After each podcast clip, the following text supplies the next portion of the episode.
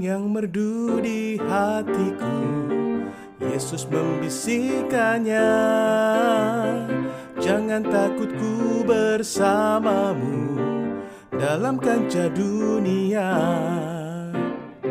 Yesus nama Yesus Indah dan merdu Memberikan kidung Yang mengisi hidupku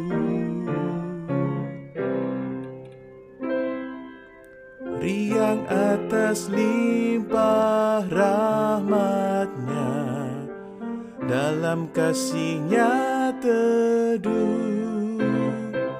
Sambil terus memandang wajahnya Ku nyanyikan kidungku Yesus nama Yesus Indah dan merdu Memberikan kidung Yang mengisi hidupku. Yesus nama Yesus indah dan merdu. Memberikan kidung yang mengisi hidupku. Yesus nama Yesus indah dan merdu memberikan kidung yang mengisi hidupku. Shalom keluarga damai.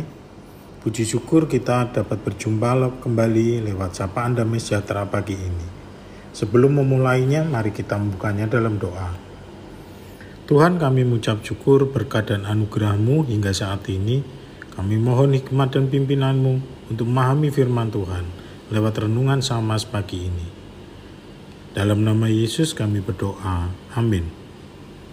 Jemaat damai. Hari ini kita akan merenungkan bagaimana kita bisa hidup dalam hikmat ilahi di dalam kehidupan keseharian kita. Yang pertama, tentunya kita harus memahami dari mana hikmat itu berasal. Mari kita baca firman Tuhan dari ayat berikut ini. Amsal 9 ayat 10. Permulaan hikmat adalah takut akan Tuhan dan mengenal yang Maha Kudus adalah pengertian dari Daniel 2 ayat 20 berbunyi demikian. Berkatalah Daniel, terpujilah nama Allah yang selama-lamanya sampai selama-lamanya, sebab daripada dialah hikmat dan kekuatan. Kita tahu jelas di sini bahwa hikmat ilahi berasal dari Tuhan semata, yang di dalam kehidupan kita bisa kita ketahui dalam bentuk kebijaksanaan, pengetahuan, pengertian, kepandaian, pengendalian diri, dan pengendalian emosi, dan lain sebagainya.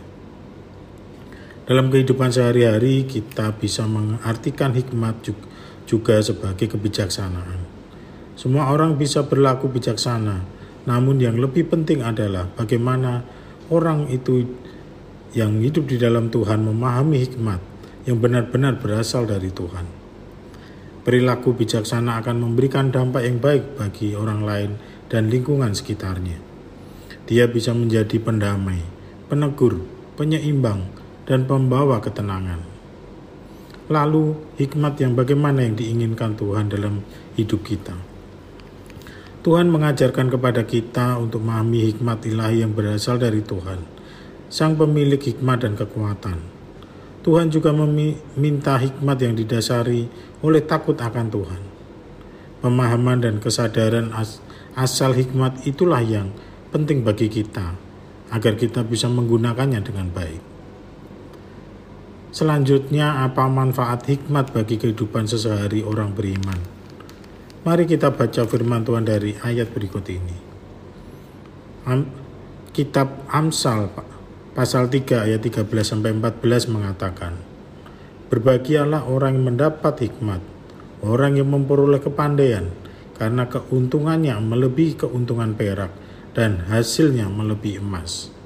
Dalam Daniel 12 ayat 3 mengatakan, Dan orang-orang bijaksana akan bercahaya seperti cahaya cakrawala, dan yang telah menuntun banyak orang kepada kebenaran, seperti bintang-bintang, tetap untuk selama-lamanya. Hikmat memberikan manfaat yang sangat besar yang jauh melebihi perak dan emas yang sangat mahal itu. Hikmat juga menuntun orang kepada kebenaran yang kekal. Hal inilah yang bisa membedakan hikmat ilahi dalam diri orang percaya dibandingkan kebijaksanaan orang di luar Tuhan karena hikmat ilahi menuntun dalam kebenaran yang sesungguhnya untuk melihat kehidupan kekal dari Allah. Hikmat ilahi berasal berpusat dalam diri Allah dan bertujuan membuka pengertian semua orang akan Allah kita. Jemaat damai yang dikasih Tuhan, bagaimana kita menerapkannya di dalam kehidupan sehari-hari. Sebagai orang Kristen kita akan menghadapi tantangan untuk menerapkan hikmat dalam kehidupan sehari-hari. Seringkali kita dipancing kemarahan atau emosi ketika terjadi persinggungan dan perbedaan pendapat atau penyimpangan kesalahan orang lain. Kesadaran akan hikmat kita bisa hilang tertutup luapan emosi sesaat ketika benturan itu terjadi. Kita berpikir pendek dan mudah marah akan hal-hal kecil. Kita mengumpati orang-orang dengan kata-kata kasar karena kesalahan mereka. Seringkali kita berpikir pendek tanpa mempertimbangkan alasan terjadinya masalah itu. Kita juga berpikir, tidak berpikir panjang apa dampaknya bagi orang lain jika kita marah dengan emosi yang berlebihan. Rasa tertekan dan tidak berdaya bisa muncul dalam diri orang yang menjadi sasaran kemarahan kita jika posisinya lebih lemah dari kita. Misalnya, sebagai atasan kita tidak puas atas hasil kerja anak buah kita, lalu kita memarahinya dengan suara keras dan ucapan-ucapan tidak terkendali, bahkan ucapan yang merendahkan sebagai karyawan laki-laki. Pada posisinya, anak buah kita itu tidak berani melawan kita karena kita adalah atasannya. Bahkan untuk menjelaskan alasannya pun, dia tidak diberi waktu. Dia sangat tertekan dan merasa direndahkan. Tetapi dia tidak berdaya. Selanjutnya yang tersisa adalah rasa takut dan dendam terhadap atasannya itu. Jika kita sebagai atasan di kantor memiliki hikmat, sebaliknya hal yang terjadi pastilah membuat kita lebih bijaksana dalam melihat nilai masalah itu. Kita bisa melihat masalah dari sudut pandang lain yang bukan menyalahkan orang sebagai pelakunya. Mungkin metodenya, panduannya, atau alat kerjanya yang mengalami masalah. Sehingga anak buah kita memiliki ruang untuk menjelaskan dan menganalisa masalah untuk mendapatkan solusi-solusi bersama-sama. Ketika jalan keluar didapatkan, maka masalah itu akan selesai dan anak buah kita akan senang karena merasa diorangkan dan diajak kerjasama dan menyelesaikan masalah itu kita sendiri pun sebagai atasan akan ikut senang karena pekerjaan kita selesai dengan baik.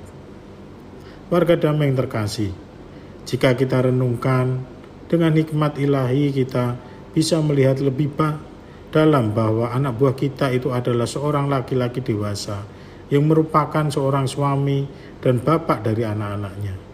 Sehingga ketika kita marah tak terkendali, bisa sampai merendahkan harkat martabatnya dia akan merasa gagal sebagai orang laki-laki dan tidak berguna hidupnya. Bahkan bisa membawa uh, perasaan hancur itu sampai ke rumahnya. Hal itu bisa membuatnya tidak memiliki wibawa dan hormat dari istri dan anak-anaknya. Jadi sangat disayangkan bahwa kemarahan kita tanpa hikmat ilahi akan membuat luka batin dan mengganggu kehidupan rumah tangga dan masa depan anak-anak dari keluarga itu. Karenanya akan lebih baik sebagai atasan kita membimbing dan melatih anak buah agar bekerja dengan benar dan profesional, agar dia mendapatkan masa depan dan kehidupan yang lebih baik, menjadi berkat bagi keluarganya. Jika kita bisa melakukannya, maka kita sedang menuntun anak buah kita itu untuk melihat kehidupan yang benar di dalam Tuhan, untuk mensyukuri dan menerima setiap berkat dengan baik untuk dirinya dan keluarganya. Yang akhirnya dia dan seisi keluarganya rindu untuk melihat dan masuk ke dalam kehidupan untuk mengenal Allah. Saudara-saudara yang terkasih, jadi hikmat ilahi dapat mengontrol perbuatan dan tingkah laku kita seturut dengan apa yang diminta Allah.